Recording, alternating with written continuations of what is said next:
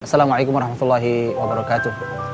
Eh, Rasul kita Shallallahu Alaihi Wasallam eh, pernah bersabda, eh, kata Nabi Shallallahu Alaihi Wasallam, khairu biqa'il ardi al masajid, wa syarru biqa'iha aswaquha. Kata Nabi Shallallahu Alaihi Wasallam, tempat terbaik di muka bumi ini adalah masjid, dan tempat terburuknya adalah pasar. Hadis ini disampaikan Rasul kepada para sahabat. Ini pun kita mendengarnya hari ini. Tetapi inilah bedanya. Para sahabat dulu, radhiyallahu anhu ajmain, mereka menerima hadis ini dengan ilmu. Mereka punya ilmu Al-Quran yang lengkap, mereka punya ilmu hadis yang lengkap, dibimbing Rasul Shallallahu Alaihi Wasallam.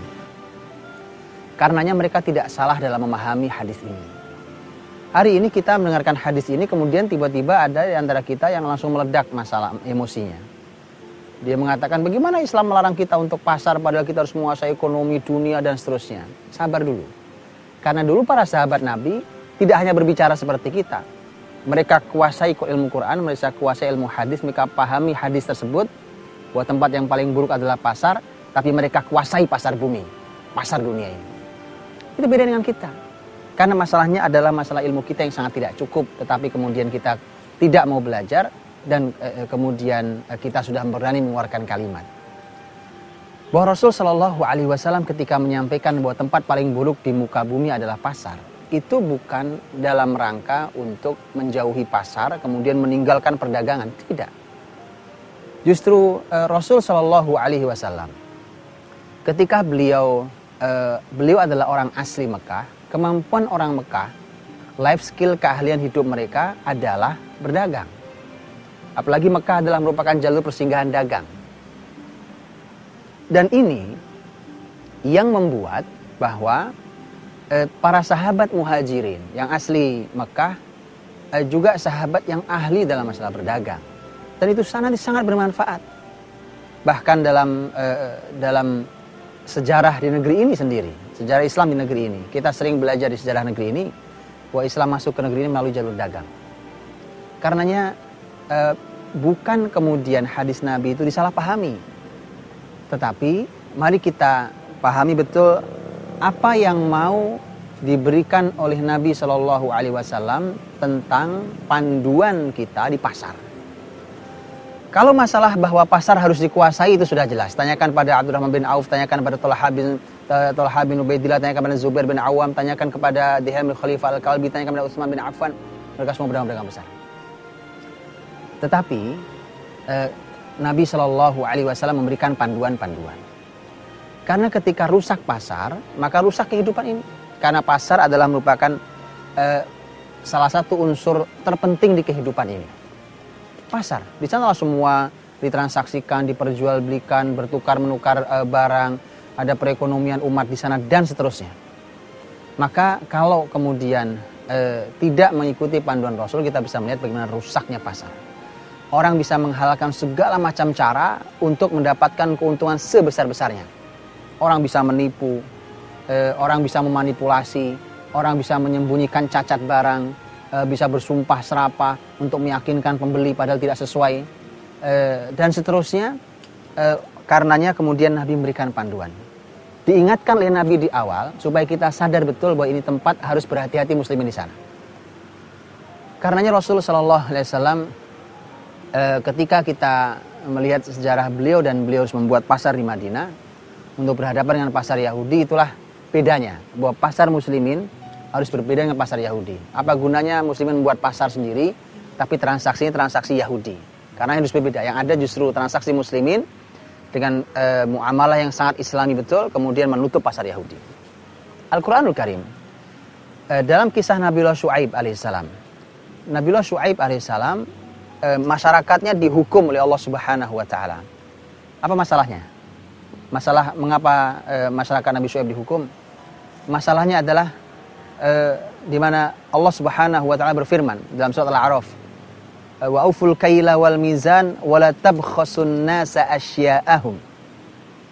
E, penuhilah timbangan dan takaran. Artinya kalau kita e, menimbang, menakar barang dagangan baik berupa makanan ataupun yang lainnya harus sesuai dengan timbangan dan takarannya. Kalau satu kilogram ya satu kilogram. Kalau memang uh, satu meter ya satu meter. Jadi harus sesuai dengan uh, dengan ukuran dan timbangannya. Wala tabkhasunna sa'asya'ahum dan jangan kalian mengurangi mengurangi uh, barang atau hak manusia. Uh, karena inilah maka masyarakat Nabiullah Shu'aib alaihissalam dihukum oleh Allah Subhanahu wa taala. Diadab Allah Subhanahu wa taala dikarenakan mereka uh, mengurangi timbangan dalam jual beli. Ini sudah Allah ingatkan. Wailul lil mutaffifin. Alladzina idza ktalu 'alan nasi yastawfun wa idza kaluhum aw wazanuhum yukhsirun. Allah Subhanahu wa taala berfirman, celakalah orang-orang yang mutaffifin Mutaffifin dijelaskan Allah SWT ayat berikutnya. Yaitu orang-orang yang ketika dia e, membeli, maka minta timbangannya dipenuhi. Artinya dia minta kepada para penjualnya untuk memenuhi timbangannya. Tapi kalau dia menjual ke orang lain, dia kurangi timbangan itu. Allah ingatkan betul itu. Karenanya ini bukan hal yang sederhana. Mengurangi timbangan. Itu berbohong, berdusta. Orang membeli satu kilogram, ternyata begitu dia timbang kembali, ternyata tidak sampai satu kilogram. Dipikir sederhana. Karena inilah umat Nabi Shu'aib dihukum Allah, diazab Allah Subhanahu wa taala. Bukan hal sederhana. Bagaimana kemudian kita menganggap hal ini menjadi sangat sederhana, sepele? Kemudian dengan bahasa yang sederhana, kemudian kita mengatakan bahwa semua orang juga sama. Bahkan saya membelinya juga dulu membeli dari agen yang lebih besar juga saya mendapatkannya kurang. Bukan berarti orang yang melakukan sebuah kesalahan kemudian kita balas juga dengan kesalahan. Ingatlah bahwa kejujuran yang akan membuat Eh, eh, membuat eh, barang dagang kita menjadi barokah, hasil usaha kita menjadi barokah. Kalau barokah itu yang sedikit mencukupi, yang banyak tidak membahayakan. Subhanallah. Kan itu kebahagiaan kita harapkan. Eh, Allah Subhanahu wa taala mengingatkan betul agar kita tidak mengurangi timbangan. Karena itu berbohong. Itu mengambil hak orang lain dengan cara yang zalim. Allah juga mengingatkan di dalam ayat yang lain. Ya ayyuhalladzina amanu la ta'kulu amwalakum bainakum bil batil illa an takuna tijaratan an taradim bainakum. Eh, wahai orang beriman jangan sampai kalian memakan eh, harta dengan cara batil di antara kalian. Eh, kecuali karena ada perdagangan saling ridho. Saling ridho di antara kalian. Artinya bahwa perdagangan eh, harus saling ridho. Eh, kita kita sebagai pembeli, kita sebagai penjual seterusnya harus saling ridho di antara mereka. Dan ini eh, kalau ada pembeli merasa uh, tertipu, penjual dan seterusnya ada hal yang buruk terjadi di antara penjual dan pembeli, maka pasti mereka tidak saling ridho. Padahal yang, diizin, yang diizinkan dalam Islam adalah harta hasil perdagangan yang saling ridho. Kalau tidak, maka dianggap memakan harta manusia dengan cara yang batil. Islam menjaga betul hal ini uh, dalam masalah perdagangan. Uh, karena nanti kita bisa melihat bagaimana hebatnya perdagangan muslimin, tokoh-tokoh besar dalam Islam dan barokahnya perdagangan mereka. Karena mereka menjaga betul syariat Allah Subhanahu wa taala di pasar-pasar mereka. Sebagai muslim, bukan hanya muslim di masjid, tapi juga muslim di pasar. Kita yang punya Allah di masjid, kita punya Allah di pasar juga. Artinya aturan Allah kita tegakkan di mana pun kita berada, eh, menegakkan aturan Allah Subhanahu wa taala. Rasul Shallallahu alaihi wasallam juga memberikan panduan-panduan ke pasar. Ini bukti bahwa dalam masalah transaksi jual beli uh, di pasar dan seterusnya. Hari ini kita sudah berkembang ke pasar online bahkan. Eh, semua itu pasar. Pasar. Dan ada aturannya. Rasulullah SAW memberikan panduan. Contohnya adalah eh, Nabi SAW eh, me mengaitkan pasar ini eh, dengan akhirat. Karena jangan sampai juga pasar itu melalaikan akhirat kita. Itu sudah diingatkan betul oleh Al-Quran. Dari sekian banyak pekerjaan, perdagangan ternyata mendapatkan peringatan khusus itu bukti bahwa perdagangan punya potensi yang cukup besar untuk melalaikan orang dari akhiratnya. Allah berfirman dalam surat An-Nur ayat 37, "Rijal la tulhihim tijarah wala bai'an dzikrillah wa iqamis salah wa ita'iz zakah yakhafuna yawman tataqallabu fil qulubul absar." Yaitu para kaum laki-laki. Karenanya eh, perdagangan adalah fitrah kaum laki-laki sebenarnya para kaum laki-laki yang tidak dilalaikan oleh perdagangan dan bisnis dan jual beli. Tidak dilalaikan dari sholat mereka, membayar zakat mereka, eh, mereka tidak lalai dari zikir mereka, dari sholat mereka, dari zakat mereka, dan mereka takut pada eh, hari akhir. Artinya bahwa perdagangan kita tidak boleh sampai melalaikan zikir kita. Zikir, subhanallah. Tidak boleh kita beralasan eh, karena sibuk kita dengan perdagangan maka kemudian kita tidak cukup waktu untuk berzikir pada Allah. Sholat kita juga tidak boleh eh, sholat yang kemudian terabaikan apalagi ditinggalkan waliyadzubillah. Zakat kita merupakan kewajiban kita. Eh, hati kita yang hidup masih takut kepada Allah Subhanahu wa taala tentang hari akhir nanti. Perdagangan punya potensi itu untuk melalaikan itu. Makanya diingatkan Allah dalam surat An-Nur. Dan karenanya Rasul Shallallahu Alaihi Wasallam mengingatkan kita. Ini pelajaran buat siapa pun di antara kita yang mau masuk ke pasar. Pasar apa pun itu. Eh, baik pasar yang hari ini atau pasar dunia maya hari ini, semua pasar. Mau pasar kita menyebutnya pasar becek ataupun pasar yang berasi, semua pasar. Eh, Nabi sampai mengingatkan. Kata Nabi, mandah suq wa qal. Siapa yang masuk ke pasar dan berkata, La ilaha illallah, wahdahu la syarikalah, lahul mulku, walahul hamdu, wa huwa ala lahul mulku wa lahul hamdu wa huwa hayyun la yamutu biyadihil khair wa huwa ala kulli syai'in qadir. La ilaha illallah, tidak ilah kecuali Allah. Wahdahu la syarikalah. Hanya dia uh, yang esa, yang tidak sekutu baginya. Lahul mulku wa lahul hamdu. Uh, baginyalah kerajaan dan baginyalah pujian. Uh, yuhyum ya wa yumit. Dialah yang hidup dan dialah yang uh, dialah yang menghidupkan, dialah yang mematikan wa hayyun la yamut. Dia yang maha hidup dan tidak mati. Dia dihil khair, di tangannya ada semua kebaikan. Wa huwa ala kulli syai'in qadir dan dia atas segala sesuatu maha kuasa. Kata Nabi, siapa yang masuk pasar dan membaca itu, maka Nabi Shallallahu Alaihi Wasallam bersabda, ini luar biasa, ini luar biasa, menggabungkan antara mencari rezeki dengan mendapatkan kebaikan akhirat. Luar biasa bukan? Masuk ke, ke pasar, tapi mendapatkan keutamaan keistimewaan. Kata Nabi maka eh, eh, orang yang seperti itu eh, dia akan kutibalahu eh, alf alf hasanah akan dicatatkan baginya satu juta kebaikan. Wa wa anhu eh, alf alf sayyi'ah akan dihapuskan darinya satu juta keburukan. Wa wa rufi'alahu alf alf darajah dan akan diangkat eh, baginya satu juta derajat kebaikan. Tapi baca itu untuk masuk baca itu diberikan oleh Nabi SAW panduan. E, contoh panduan Nabi yang lain juga e, yang harus diperhatikan, e, yaitu kalimat Rasul SAW yang e, sangat kita kenal, man ghasyana falaysa minna. Siapa yang menipu kami maka bukan golongan kami. Itu bukan bagian dari kami. Siapa yang menipu kami. Kalimat Nabi ini e, sababul wurudnya, sebab terjadinya kalimat ini adalah ketika Rasul Shallallahu Alaihi Wasallam ke pasar. Beliau ke pasar, kemudian melihat ada orang menjual makanan, kemudian Nabi SAW memasukkan tangannya ke bawah karena bertumpuk ya, kemudian dimasukkan gitu, dia basah. Yang bagian atas kering, yang bagian bawah basah. Ini berbeda. Ketika berbeda, maka Nabi bertanya, ini apa wahai fulan? Nabi bertanya pada penjualnya. Si penjual mengatakan bahwa e, ini terkena air ya Rasulullah.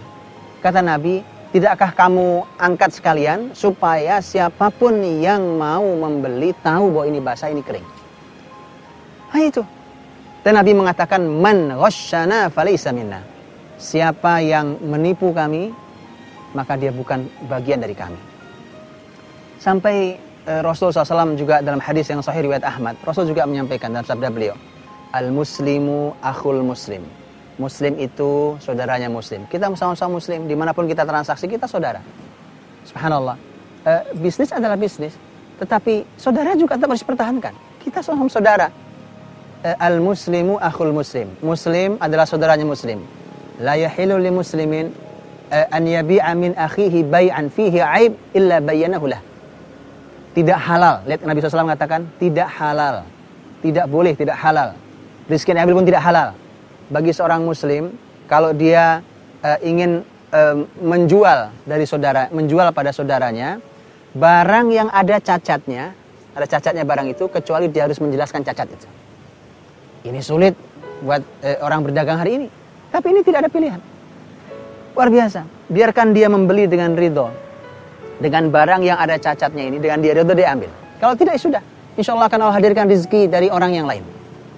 Terus khawatir. Tidak perlu dan dosa hukumnya tidak halal rezeki yang dibawa. Kalau ternyata barang yang didapat oleh saudaranya adalah barang yang cacat yang tidak diketahuinya, eh, tidak diketahui oleh pembeli, dan padahal diketahui oleh penjual dan tidak menjelaskannya. Jadi harus dibuka, disampaikan. Kecuali uh, si pembeli uh, sudah melihat semuanya, bahkan melihat cacat itu dan kemudian dia mengatakan saya ridho, nggak ada masalah. Silakan, tidak masalah itu. Tapi kalau tidak lihat, sangat diperhatikan. Mengapa? Agar tidak ada saudaranya yang dirugikan. Karena kita bersaudara. Tidak boleh kita merugikan saudara kita. Maka eh, ini merupakan salah satu adab dari Nabi SAW di pasar. Di mana eh, seseorang harus eh, jangan sampai merugikan saudaranya. Jadi semangat beruhuwah. Al-muslimu akhul muslim. Muslim adalah saudaranya muslim. Itu ada semangat bersaudara dalam transaksi jual beli. Karenanya Nabi SAW mengatakan dalam hadis beliau, Rahimallahum ro'an samhan idha ba'a samhan idha shtara samhan idha qada samhan idha qtada. Kata Nabi SAW, eh, Allah merahmati, subhanallah, rahmat Allah. Allah turunkan rahmat. Rahmat artinya kasih sayang. Kalau sudah Allah ikut campur, dihadirkan kasih sayangnya, maka eh, tidak ada yang sulit. Tidak ada yang sulit dalam masalah perekonomian kita, dalam masalah jual beli kita, dalam masalah perdagangan kita, dalam masalah pasar kita, bisnis kita.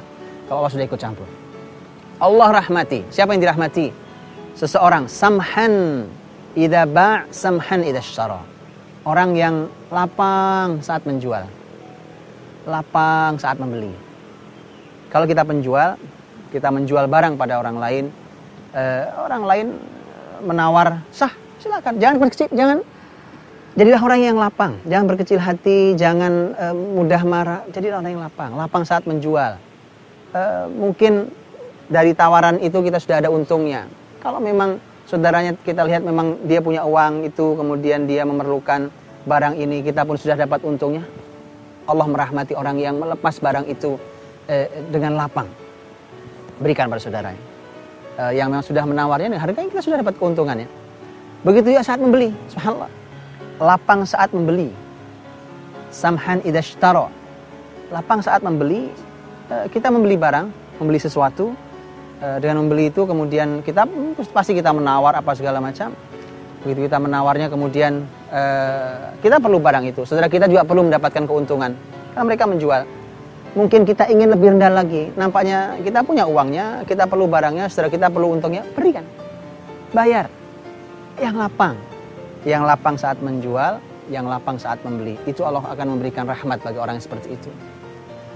Dan eh, Rasul SAW juga juga memberikan eh, panduan-panduan yang lain. Contohnya adalah ketika para sahabat Nabi SAW memberikan panduan tentang eh, memberikan eh, penjelasan tentang bagaimana bagaimana sifat Nabi SAW, eh, para sahabat mengatakan beliau adalah tipe orang yang tidak suka berteriak-teriak di pasar. Berarti ini dapat catatan penting. Di pasar, di pasar orang mentang-mentang di pasar kemudian dia bersuara setinggi-tingginya dia di pasar. E, Nabi SAW bukan tipe orang yang e, bersuara tinggi-tinggi berteriak-teriak. Itu bukan Nabi SAW. Kita kasih contoh itu. Tidak perlu juga orang berteriak e, suara keras, lantang dan seterusnya.